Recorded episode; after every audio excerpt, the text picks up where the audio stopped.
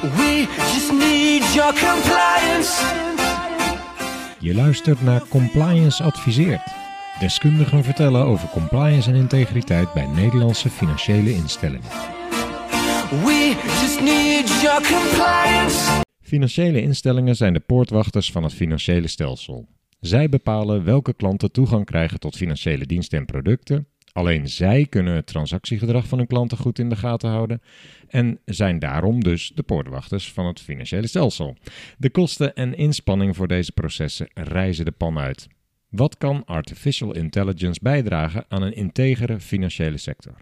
Met Jeroen Goudsmit en Maurice Jongmans namen we over dit onderwerp in het verleden al eens een podcast op. Toen hadden we het vooral over de rol van de compliance professional en de juiste inrichting van de processen rondom machine learning en artificial intelligence. Vandaag praat ik met Joost van Houten, CEO van Sentinels, over machine learning en artificial intelligence bij transactiemonitoringprocessen. Welkom Joost, fijn dat je een bijdrage wilt leveren aan deze podcast. Dankjewel Erik, leuk je hier te zijn. Hoe ben je in het vakgebied van artificial intelligence terechtgekomen? Nou, dat is eigenlijk een beetje toevallig. Ik had altijd wel een interesse in, uh, in technologie, maar mijn achtergrond is eigenlijk in business. Ik heb bedrijfskunde en innovatiemanagement gestudeerd. Ben mijn carrière begonnen als consultant bij McKinsey. En uh, daar heb ik uh, de eerste exposure gehad aan verschillende technologieën. Ben ik met engineers en data scientists gaan werken. En zodoende een interesse ontwikkeld ook voor AI en machine learning. En, en wat deden jullie toen dan al met technologie? Was dat ook al artificial intelligence ongeveer op het niveau wat je nu ook doet? Of? Ja, vergelijkbaar. Dus uh, verschillende toepassingen. Maar een van de dingen die ik het meest spannend en interessant vond, was als we kleine prototypes gingen maken. Dat deden we dan met een uh, team van ontwikkelaars aan de kant van McKinsey. Werkten we nou samen met de klant. Uh, en dan pakten we daar een probleem op samen. En daar werd dan machine learning in toegepast. Ja, ja. oké. Okay. Wanneer heb je Sentinels opgericht en waarom? En wat doet Sentinels eigenlijk precies? Dat is uh, in de zomer van 2019 geweest. Uh, waarin ik toen samen met uh, Arjon, mijn co-founder, die een machine learning achtergrond heeft, keek naar een aantal problemen in de wereld die we dachten dat we op een slimmere manier konden oplossen met meer moderne technieken. En een van die problemen die daar toen voor ons echt eruit sprong, was compliance en dan specifiek transactiemonitoring. En dat kwam omdat we zagen dat er enorm veel mensen werden aangenomen. Je noemde het al in je intro. Ja. Als compliance professional. En wij wilden gewoon heel erg graag begrijpen van wat doen al die mensen en waarom neemt dat uh, aantal zo rap toe? En naar aanleiding van een heleboel gesprekken die we toen hadden met uh, compliance professionals, kwamen we erachter dat een deel van de technieken en uh, tools die ze gebruiken best wel verouderd zijn. En wij dachten toen naïef van nou, dat kunnen we misschien wel beter. Ja, nou, ik weet niet. Is het naïef gebleken? nou, ik denk dat het wel moeilijker is gebleken om dit uh, uh, op een grote schaal toe te passen en er een product van te maken. Maar ja, we zijn nu bijna drie jaar verder. Mhm. En bedienen een hoop klanten ermee. Dus dat is wel heel erg goed gelukt. En op welke markten zijn jullie voornamelijk gericht? Ik, ik herken voornamelijk betaalinstellingen op jullie website. Een aantal namen ken ik niet. Maar wat voor soort klanten in de financiële sector alleen? Ja, klopt. Het zijn allemaal uh, financiële instellingen met uh, ook een uh, verplichting om te voldoen aan de WWFT of de lokale versie daarvan in andere landen. Mm -hmm. We bedienen nu 20 klanten. dat zijn bijna allemaal fintechs. En dat, de fintechs zijn een mix van betalingsinstellingen, remittancebedrijven en neobanks. Mm -hmm. um, maar we hebben ook twee meer traditionele banken. En welke partijen zien jullie als jullie belangrijkste concurrent op het vlak van artificial intelligence? Nou, ik denk dat... Beetje een gemene vraag eigenlijk. Nee, dat is helemaal oké. Okay. Ik denk dat er in de transactiemonitoring softwarewereld twee groepen te onderscheiden zijn. De meer traditionele spelers die hier al een jaar of dertig mee bezig zijn.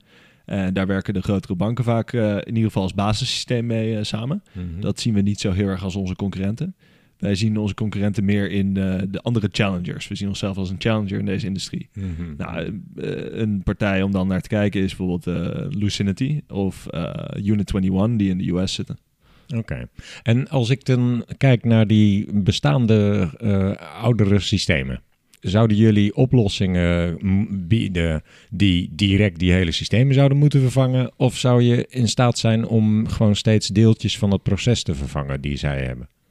Nou, onze ambitie is natuurlijk die systemen helemaal te vervangen.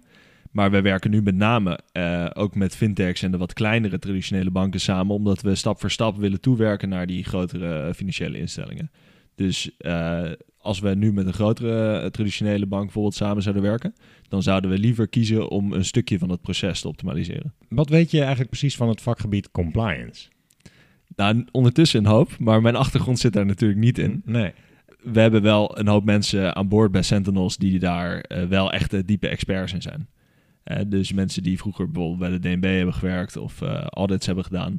Ehm, en daar zie ik ook heel erg de kracht. We hebben mensen die heel erg sterk zijn in machine learning. We hebben businessmensen en we hebben compliance mensen. En die bij elkaar brengen, daar komt voor mij komt daar de grote creativiteit en de betere ideeën komen daaruit.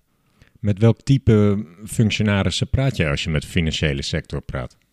Nou, vaak begint het gesprek met de Chief Compliance Officer bijvoorbeeld of de Chief Risk Officer.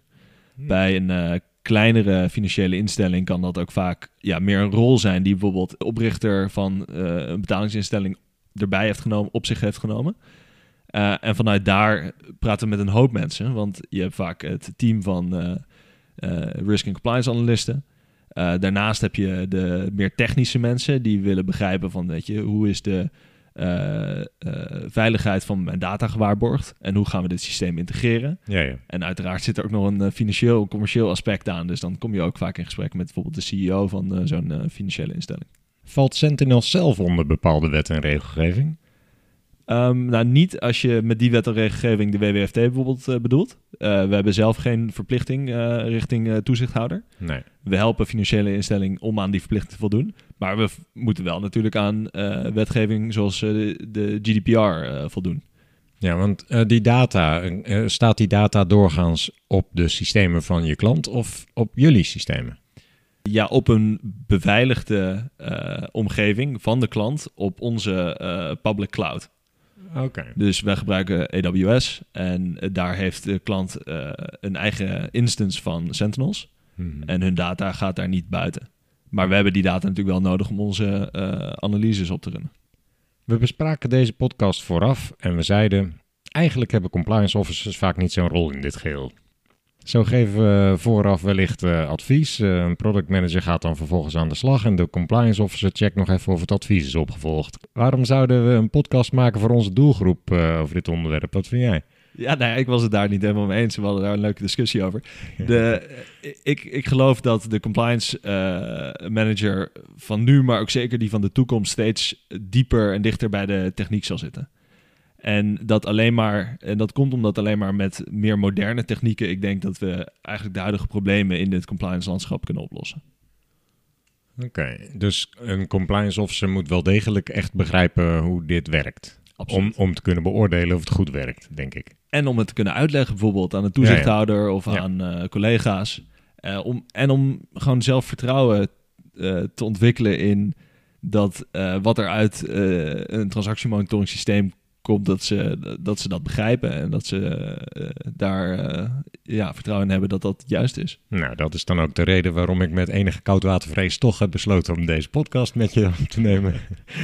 Voor wie dat nog niet precies weet, kun je kort toelichten wat machine learning en artificial nou, eh, intelligence nou eigenlijk precies is? En, en wat zijn de verschillen? Ja, natuurlijk. Nou, artificial intelligence, als ik het heel kort zou zeggen, is eigenlijk het nabootsen eh, door machines van de intelligentie van een mens. Dus dan moet je denken aan, nou, wat definieert bijvoorbeeld onze intelligentie? Dat is bijvoorbeeld creativiteit. En eh, dat kan nagebootst worden door een machine. Er zijn nu ook bijvoorbeeld eh, AI's die muziek ontwikkelen. Ja. Ja, machine learning is een subset van dat werkgebied van artificial intelligence. En daar gaat het specifiek om het trainen van machines, algoritmes, ehm, met eh, data, zodat die machines eh, beslissingen kunnen nemen op basis van die data. Dus vaak heb je dan gelabelde data. En dat zijn in het geval waar we het nu over hebben, bijvoorbeeld voorbeelden van eh, witwassen in, in transactiepatronen. En dat geef je dan aan zo'n machine of algoritme.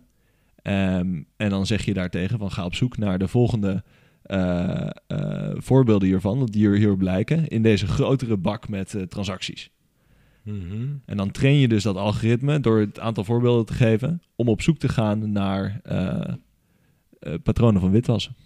Dus als ik een soort boodschappenlijstje zou maken van wat heb ik nodig om zo'n systeem draaiend te krijgen, dan heb je het over een machine. Nou, dat zal wel een server of een computer zijn. Eentje is misschien genoeg. Of heb je er eh, ontzettend veel rekenkracht voor nodig? Je hebt een paar dingen nodig. Dus je hebt die algoritmes zijn eigenlijk gewoon een soort statistiek of wiskundige formules op, op steroids. Eh, en daarnaast heb je inderdaad dan eh, rekenkracht nodig om die statistiek te runnen op een bak met data.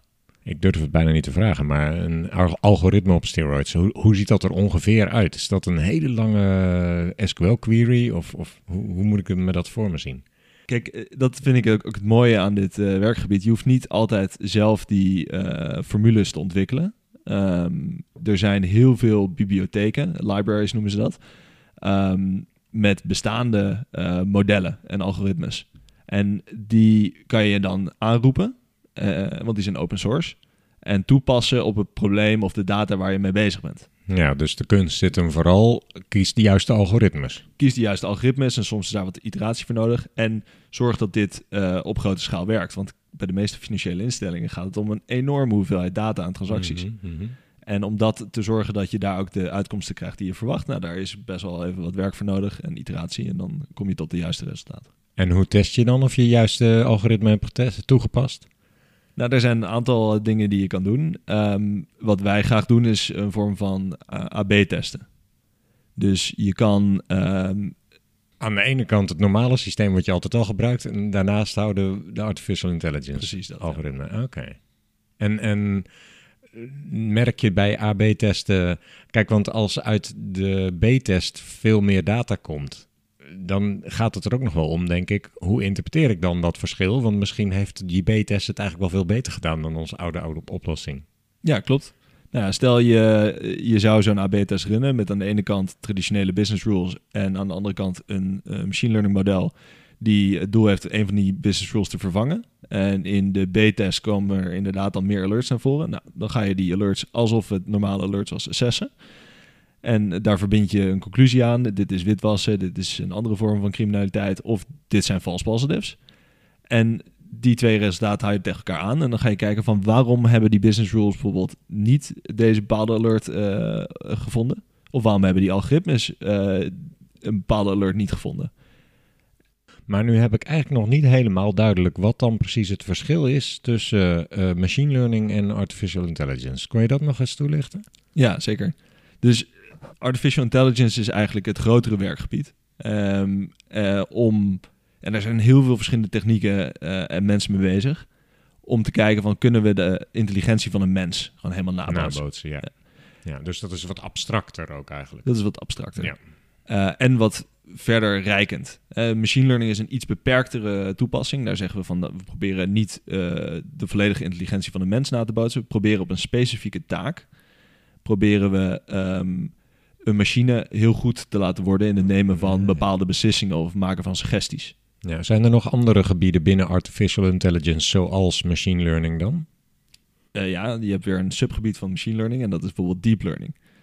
Ehm, en zo zijn er nog een aantal werkgebieden waar je wat dieper in op eh, kan gaan. En met verschillende toepassingen. Bijvoorbeeld, er is een heel veld rondom het herkennen van eh, eh, plaatjes. En een bekend voorbeeld daar is: kan je in YouTube-video's een kat herkennen? Nou, dat is ook een, een deep learning toepassing. Ja, ja. En die gaat dan specifiek over plaatjes, waar je een model dan van tevoren heel veel plaatjes van een kat laat zien. En het resultaat, als je die dan getraind hebt eh, en toepast op een YouTube-video, dan kan hij zeggen van, ja, in deze YouTube-video zit een kat. Ja, oké, duidelijk. En als je het nummer van, die mode- van dat model hebt die die katten kan herkennen, dan eh, wil ik wel even bellen met haar. Grapje. Eh, sorry.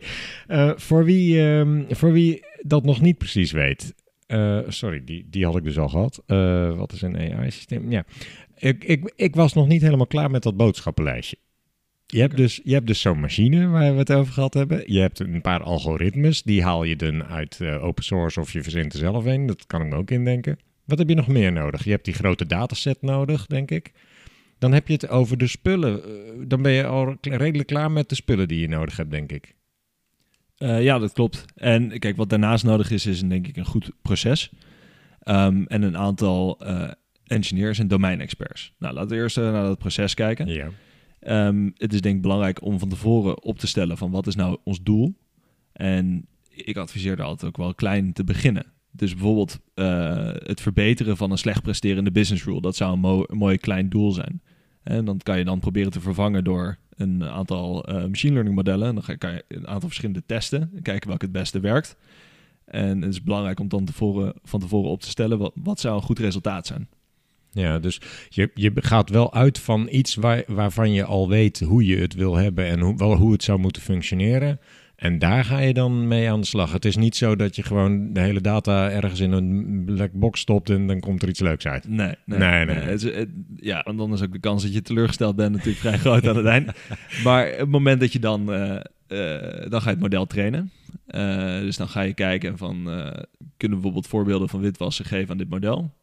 Of is het eh, een andere vorm van model die meer op zoek gaat naar outliers? Eh, dus die geef je een heleboel data en, en die geef je niet per se voorbeelden van witwassen, maar dan zeg je van ga op zoek naar de transacties die anders zijn dan de rest. Dat kan ook een toepassing Ja. zijn. Ja, Nou, de uitkomst daarvan is dat je een aantal alerts genereert. Of in ieder geval afwijkende transacties vindt. En die ga je dan eh, ehm, beoordelen. alsof het gewoon je normale proces is. En aan Mhm. het einde daarvan heb je de uitkomst. Ja, en dan kan je dus kijken naar je resultaten. En dan kan je dit proces kan je nog een paar keer herhalen met verschillende iteraties. Nou, wat zijn dan de mensen die je hiervoor nodig hebt? Ehm, ik geloof erg in het samenspel tussen eh, de domeinexperts, de compliance professionals en de technische mensen. Eh, dus ik denk dat je. eh, maar die compliance professional moet dus wel echt die techniek begrijpen om te kunnen aangeven wat hij wil. Of kan die het gewoon ook houden nog steeds bij ik wil alle opvallende contract, eh, transacties zien of ik wil deze thresholds of...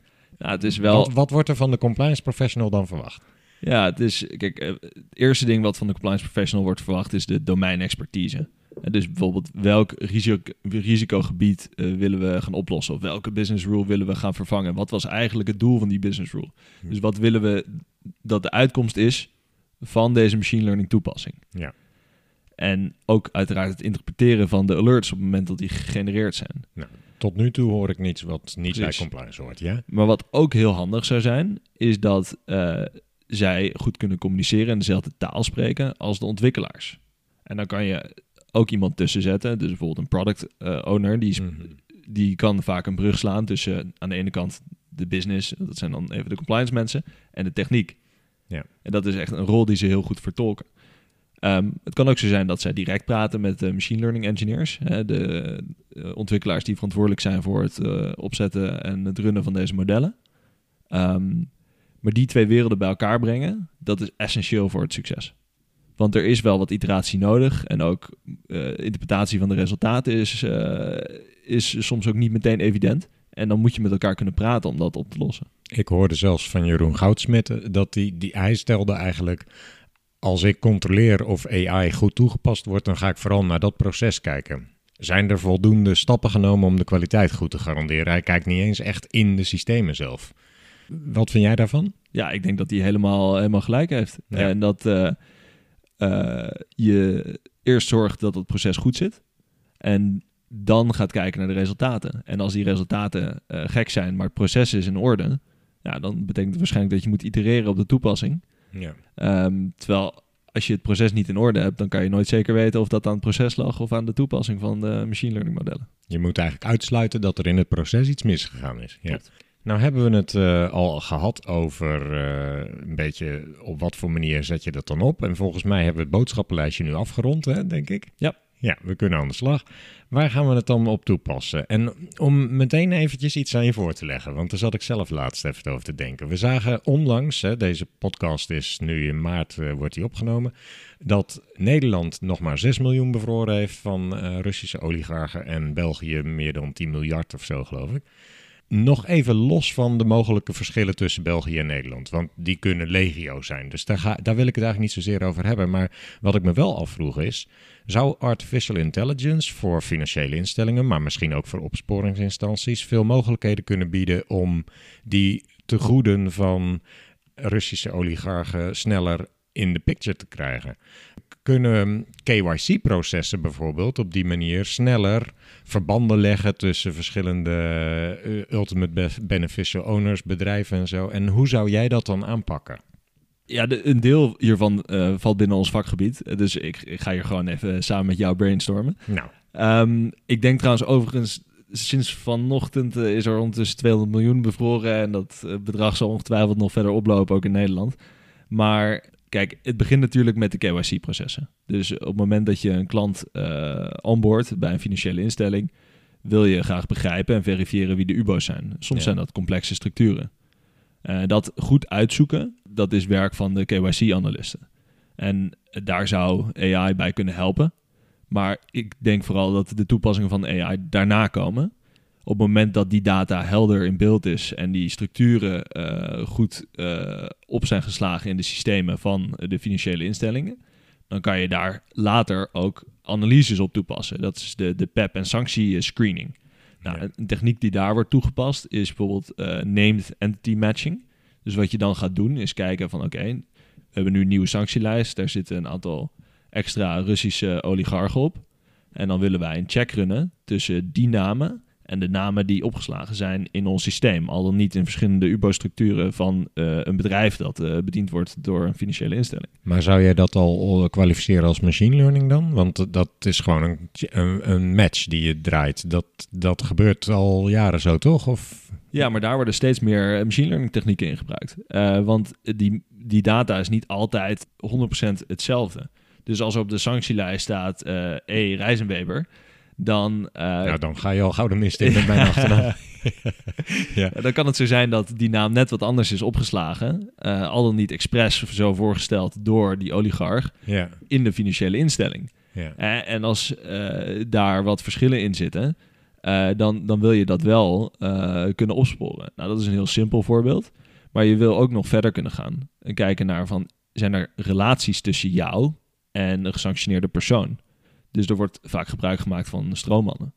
ja. Eh, als jij op de sanctielijst staat of weet dat je een risico loopt om daarop te staan, dan ga je niet zelf je bedrijf inschrijven eh, waar jij de UBO van bent. Met welke data zou je dan beginnen om dit voor elkaar te krijgen? Ja, daar zijn verschillende datasets die je zou kunnen gebruiken. Ehm, dus er worden eh, bijvoorbeeld in adverse media eh, en, en nieuwsmedia worden er soms eh, twee mensen in dezelfde nieuwsartikelen eh, genoemd. Dat, dat hint naar een associatie tussen die twee mensen. Ja. Dus dat zou een toepassing kunnen zijn. Je zou kunnen kijken naar, zijn er bijvoorbeeld transacties tussen een persoon die op een sanctielijst staat en een persoon die een klant is van een financiële instelling. En dat soort checks worden, worden ook al gerund door financiële instellingen. Maar dan moet je wel zorgen dat je die relatie ook opslaat, want die is dan relevant voor dit onderzoek.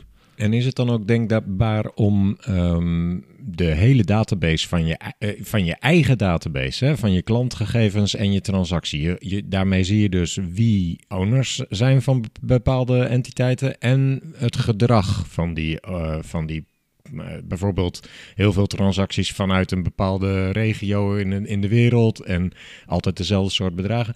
Stel nou dat je dat allemaal in één klap met elkaar zou kunnen vergelijken. Zouden er dan ook patronen uit kunnen ontstaan waar, dat je ineens merkt, hey, dit bedrijf heeft eigenlijk een relatie met dit andere bedrijf, maar dat wisten we eigenlijk nog helemaal niet. Ja, dat, dat, dat is natuurlijk precies wat je wil doen. Maar dat gebeurt nu nog niet altijd. Nee, Eh, nee. Want wat ik, wat ik zie ook bij eh, sommige financiële instellingen, is dat de KYC-processen en alle data die daaruit komt, behoorlijk gescheiden zijn van de eh, continue transactiemonitoring eh, efforts. Ja, En dat is, dat is een probleem. Want dan kan je dus die relaties die jij beschrijft, die kan je dan niet leggen. nee. Terwijl als je die twee databronnen en liefst ook de twee systemen bij elkaar brengt, ja, dan werk je toe naar wat ook een trend is in deze industrie en die wordt perpetual KYC genoemd. Dus KYC nu wordt heel erg gezien als, nou, dat is een, een check die we aan het begin doen. Klant is geonboard. En zo nu en dan incidenteel of ja, Periodiek, periodiek ga je dat updaten of er is een remediation actie. Mhm. En dan kom je daar weer bij terug. Ehm, perpetual KYC zegt eigenlijk van nou, die, die periodieke eh, check, dat is ook niet genoeg. Je wil op continue basis die eh, informatie bij elkaar brengen. Dus de eerste ehm, verwachting die eh, doe je bij de eerste KYC en onboarding processen. Dan eh, verbind je daaraan de transacties. Dus dat is eigenlijk het gedrag van een klant die je op continue basis eh, daarmee vergelijkt met die verwachting die je aan het begin had. Ehm, en als je dat op een goede manier doet en ook af en toe automatisch bijvoorbeeld die KYC-checks opnieuw triggert, dan heb je een beeld van, van Erik of van Joost die volledig up-to-date is. Ja. En als je dat goed doet, dan is er eigenlijk ook geen noodzaak meer voor periodieke eh, checks. Nee, want je bent voortdurend aan het- er komen voortdurend alerts van wijzigingen of eh, ongebruikelijk gedrag. Ehm, daar heb je dus machine learning voor nodig. Want ik dacht dat dat gewoon. Nou, dit, dit is in eerste instantie gewoon een, eh, een dataprobleem. En zorgen dat je de silo's doorbreekt en twee Ja. losse systemen bij elkaar brengt. Juist. Eh, Ja. Als je dat voor elkaar krijgt, dan heb je dus data die beter is en eh, meer relaties kan voortbrengen. En dan kan je machine learning toepassen. Ja. Dus machine learning lost niet het probleem op van die twee verschillende data Nee, bronnen. nee, precies. Maar zijn dat ehm, processen waar jullie ook bij adviseren, begeleiden, helpen om die techniek zo te krijgen dat die databases dus ook aangesloten kunnen worden bij elkaar? Nou, dat, dat vind ik ook een van de ontzettend eh, gave dingen om te werken met eh, fintechs. Want daar zijn vaak eh, deze bronnen niet gescheiden. Nee. En eh, daar is heel erg het beeld van eh, alle data van een financiële instelling die zit op één centrale plek. En dat, dat maakt het voor ons veel makkelijker eh, om eh, goede analyses te, te doen. Ja, dat hoeft eigenlijk vaak. In, bij fintechs hoeft dat niet. Ja, soms wel. eh, maar bij de meeste die, die, dat zijn echt de digital natives, die hebben van tevoren al bedacht dat ze dit op deze manier Ja, ja. willen inrichten. En Ja. ik, ik zie dat de meer traditionele instellingen ook steeds meer die kant op bewegen. Laten we het hebben over artificial intelligence en transactiemonitoring. Daar hebben we het al natuurlijk eh, deels over gehad, maar we gaan even wat meer de diepte in. Wat zijn de, de voordelen eh, in termen van bijvoorbeeld false positives of ehm, de, in termen van FTE's die je nodig hebt om de juiste eh, ongebruikelijke transacties te vinden? Wat zijn precies, waarom zou ik artificial intelligence eigenlijk precies gebruiken? Ja, dat, dat, dat zijn een aantal van de, de eh, beloftes natuurlijk van artificial intelligence. Hè? Dus je wil de false positives verminderen. Je wil de false negatives eh, ook verminderen. Hè? Dus je wil het niet eh, meer missen eh, wat Ja. je normaal zou missen. Ja. Ehm, en hopelijk kan je door die twee verbeteringen minder alerts genereren. En de alerts die je genereert zijn effectiever. Waardoor je uiteindelijk minder mensen nodig hebt dan dat je nu nodig hebt. Hè? Het grootste deel, helaas, van het, eh, eh, de alerts die worden ingezien door compliance professionals op dit moment zijn vals positieve. Ja. Nou, dat is niet het leukste werk, maar dat is ook niet het meest effectieve werk. Dat betekent dat je eigenlijk eh, een heleboel van je, je resources en de capaciteit van je mensen, dat die... Dat kan een machine in feite ook doen. Ja, om vast te stellen dat, het, eh, dat er wel een alert was, maar die niet eh, echt iets oplevert. nou, of eh, liever nog dat je die alert überhaupt niet genereert. Ja, dat, dat, ja, dat moet je voorkomen. Ja. Ja. En wat zijn nou ehm, de belangrijkste verschillen tussen traditionele transactiemonitoring systemen dan en, en artificial intelligence? Waarom zou je met artificial intelligence op dit vlak dan verder komen? Nou, kijk, bij traditionele transactiemonitoring systemen heb je het vaak over business rules. Business rules die moet je programmeren. Eh, dat zijn eigenlijk, komt het neer op, dat zijn if-else statements. Als je transactievolume drie keer hoger is dan vorige week, dan trigger een alert. Ehm, dat impliceert dat je moet weten waar je naar op zoek bent.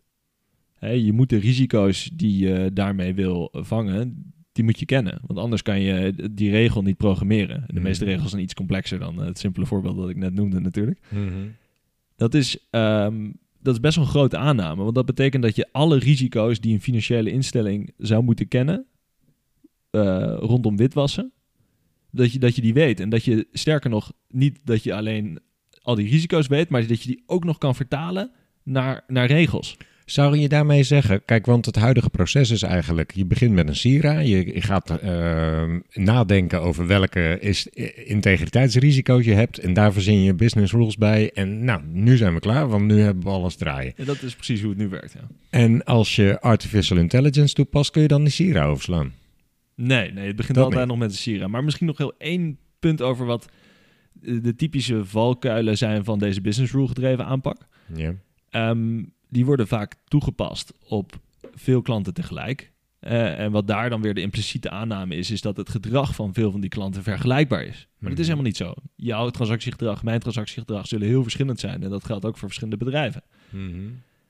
En de tweede is, wat ook een valkuil is van de business rules, is dat vaak de, de thresholds, de grenswaardes, aan het begin worden vastgezet en niet vaak genoeg worden veranderd. Nou, er zit weer een impliciete aanname onder, namelijk dat het gedrag van eh, de entiteiten die je onderzoekt, of dat nou bedrijven zijn of eh, individuen, dat het niet verandert over tijd. Ja, of wat ik vaak ook zag in de praktijk, eh, dat ze een bepaalde grens instelden en dan al wel bewust waren van het feit, ja, de business van deze klant kan wel in de loop van de tijd toenemen. Dus we gaan iedere keer op, op de een of andere manier die grens een beetje op, oprekken of zo. Want dat zal er nu wel bij passen, maar zonder eigenlijk echt te weten hoe je dat onderbouwt. Daar heeft machine learning ook een, eh, een oplossing voor. Ja, nou, dus een deel van het proces verandert niet. Hè? Dus je begint nog steeds met je Sira. En je begint ook nog steeds met een business rule? Ik geloof heel erg in de combinatie van business rules en machine learning modellen. Oké. Dus ik geloof dat business rules absoluut toegepast kunnen worden op de bekende risico's. En, en dan kan je dus ook goed een eh, business rule programmeren om daar naar op zoek te gaan.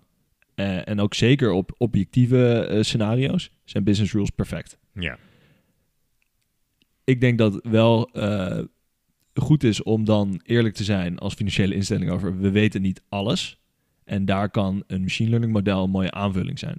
Is het dan zo dat je eigenlijk zegt, eh, voeg dat machine learning toe? Eh, ver- vervang daarmee de huidige situatie niet, maar voeg, het, het voegt iets toe, vooral op de plekken waar je blinde vlekken hebt. Nog niet in de gaten dat daar ook een integriteitsrisico ligt. Precies. Nou, er zijn twee vormen grofweg van machine learning modellen die je zou kunnen toepassen. Dus we gaan even iets technischer nog. Ja hoor, ga je gang. De unsupervised modellen en de supervised modellen.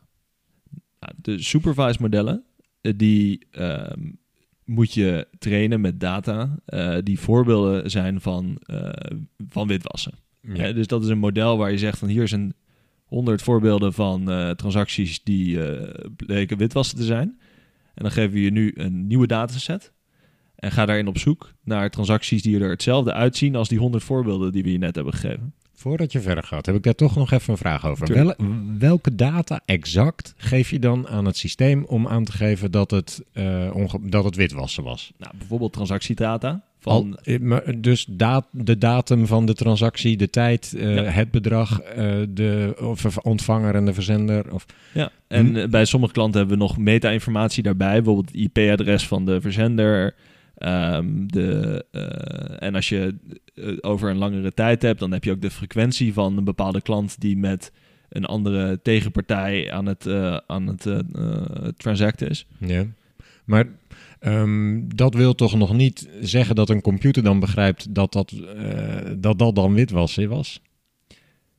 Eh, nou ja, als het er heel erg hetzelfde uitziet als een patroon van witwassen, dan kan eh, Ja. dat model aangeven van dit ziet er voor 80% hetzelfde uit als een patroon dat we eerder hebben geïdentificeerd als witwassen. En dan is het natuurlijk nog aan de compliance professional daarna om die beslissing te nemen van is dit dan daadwerkelijk witwassen. Begrijpelijk. Oké, dus je zoekt eigenlijk naar eenzelfde overeenkomstig patroon. Precies. Oké. Nou, dat, dat zijn de Nou, su- supervised technieken. Dat was supervised. We komen nu op de unsupervised. Ja? Precies. Unsupervised werkt eh, eigenlijk precies andersom.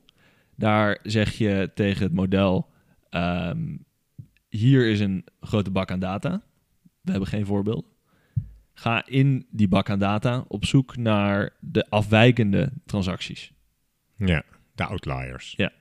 Dus dan, eh, je begrijpt al waar die twee termen dan vandaan komen. Eh, bij de ene wordt het model gesupervised met voorbeelden. Hmm. En bij de andere is het unsupervised. Dan zeg je eigenlijk, ga op zoek naar patronen Ja. die anders zijn dan de rest. Ik kan me vooral bij dat laatste voorstellen dat dat iets is wat in een Sira niet bedacht kan worden. Precies. En dat is ook eh, ja, waar met name onze machine learning toepassingen nu in zitten.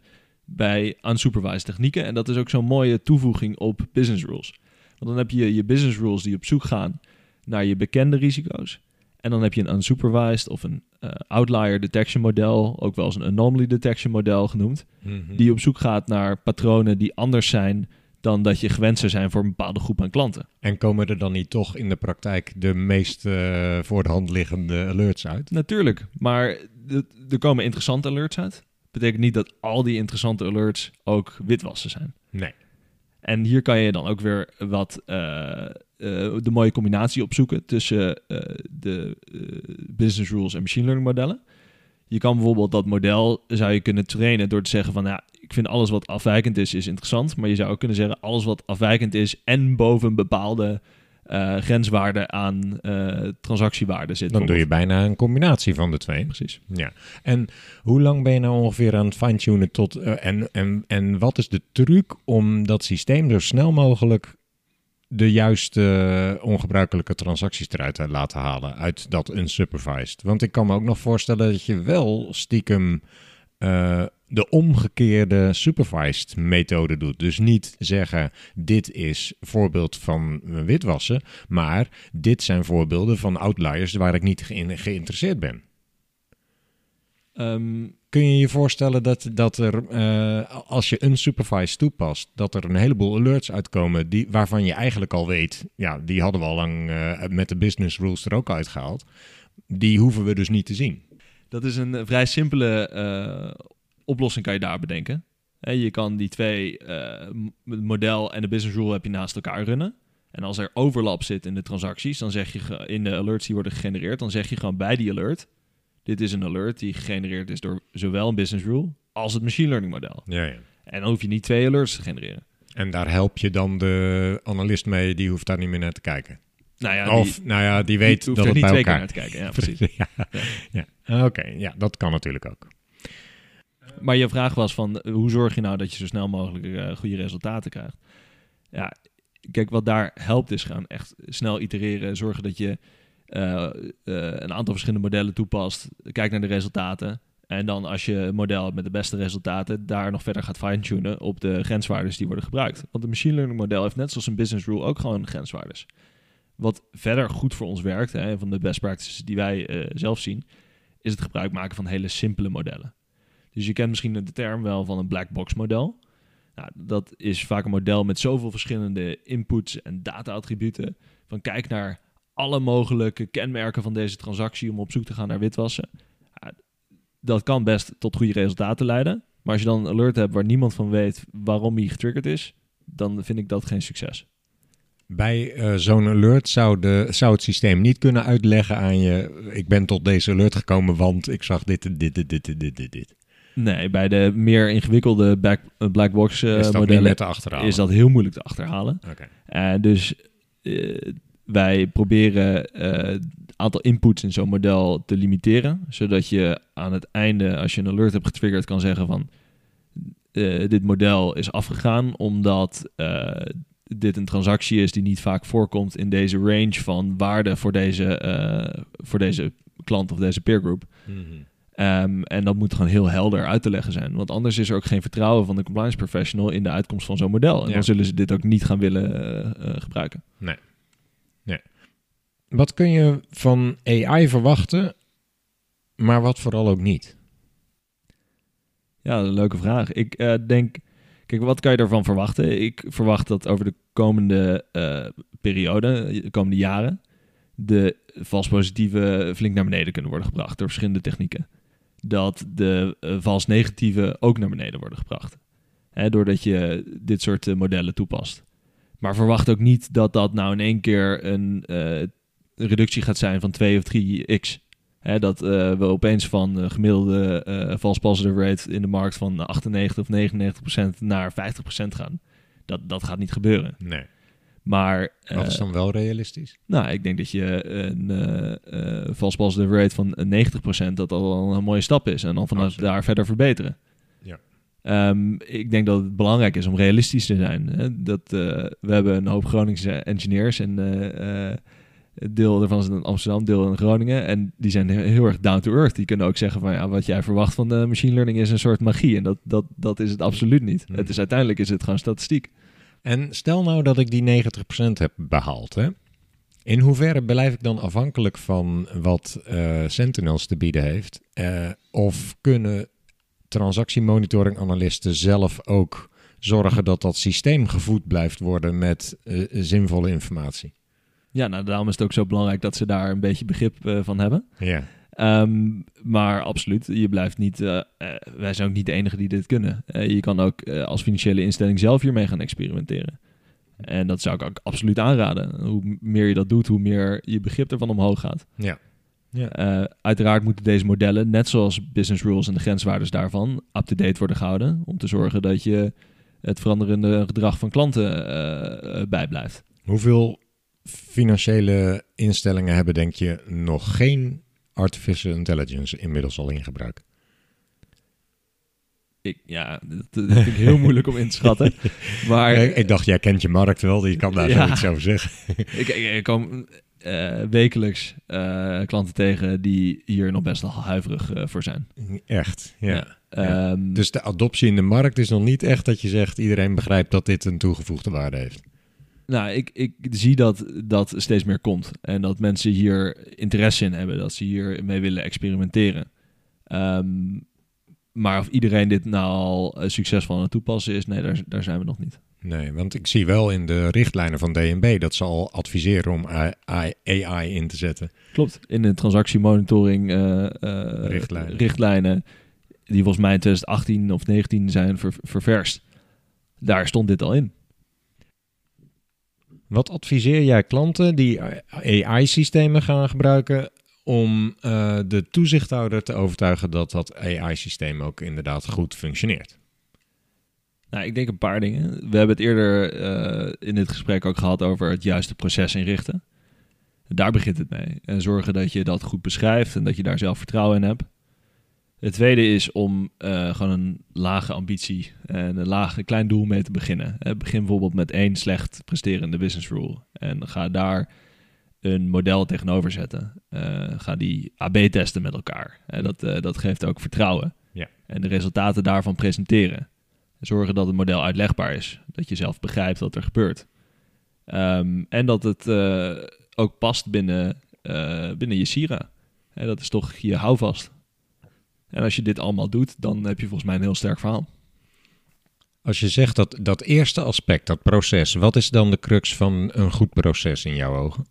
Ja, het definiëren van het doel, van wat verwacht je dat er hieruit gaat komen. Eh, beschrijven wat eh, de link is met het risicoscenario dat je zou willen oplossen. Ehm, opschrijven wat je verwachting is van het model. En dan analyseren aan het einde van... is dat ook wat eruit is gekomen? Ja, Hebben we ons doel bereikt? Het zit hem vooral in het definiëren van je doel. Niet, niet zozeer ehm, je proces in, in de zin van eh, we gaan deze computer kopen en dan gaan we er dat en dat opzetten en die en die moet dan die en die besluiten nemen. Dat, dat, dat bedoel je er niet zozeer mee, maar meer echt afbakenen. Dit willen we ermee gaan bereiken wat we doen. Ja, en dan klopt die verwachting ook aan het einde. En Ja, uiteraard ga je verschillende eh, modellen itereren. eh, en dan kom je uiteindelijk tot een keuze van dit is het best werkende model. En natuurlijk moet je dat ook opschrijven. Ehm, maar ja, dat, dat weet je aan het begin niet. Nee, duidelijk. Daarmee hebben we denk ik eh, artificial intelligence in de financiële sector wel besproken, of niet? Ja, nee, ik denk dat er echt wel heel veel toepassingen zijn die we nog niet hebben besproken. Maar kijk, eh, dat is ook het mooie. Er wordt zowel in de front office van een financiële instelling al heel veel eh, machine learning technieken toegepast. Maar ook bijvoorbeeld in de checken en scannen van eh, identiteitsbewijzen, eh, in de verschillende KYC-processen, in het clusteren en definiëren van peer groups. Ehm, en uiteraard, we hebben een paar eh, voorbeelden genoemd in transactiemonitoring. Ehm, en dat, is het, dat vind ik ook het spannende aan deze sector. Want je, we gaan nog veel meer toepassingen hiervan vinden over de komende tijd. Ja. Dus Ja. eh, we kunnen er nog wel een tijdje over doorpraten. Maar we hebben volgens mij een eh, high-level beeld gegeven. Ja, ja, het zijn er geen dingen waarvan je denkt, nou, dat moet toch in ieder geval nog wel even genoemd worden. Je hebt nu de kans. Ja, ik, ik, ik, ik zou gewoon iedereen aanraden om eh, op zoek te gaan naar wat wil ik met machine learning? En eh, wat kan ik doen om mijn begrip van dat eh, werkgebied al eh, iets te verhogen? Ja. ja, het enige waar ik bang voor ben voor de toekomst is dat het aantal luisteraars van Compliance Adviseert sterk zal afnemen. Want dan hebben we ineens een stuk minder KYC-analisten en transactiemonitoring-analisten die luisteren natuurlijk. Maar ehm, wat, wat, hoe zie jij de toekomst? Nou, misschien eerst even op dit specifieke punt. Hè. Oh, ik, ja. ik, ik, ik denk dat het werk van een compliance professional gaat veranderen. En dat dat goed is. Weet je, dat eh, er meer aandacht en tijd zal zijn voor het doen van de eh, onderzoeken op alerts die echt waardevol zijn. En dat daar nog steeds een hoop mensen voor nodig zijn.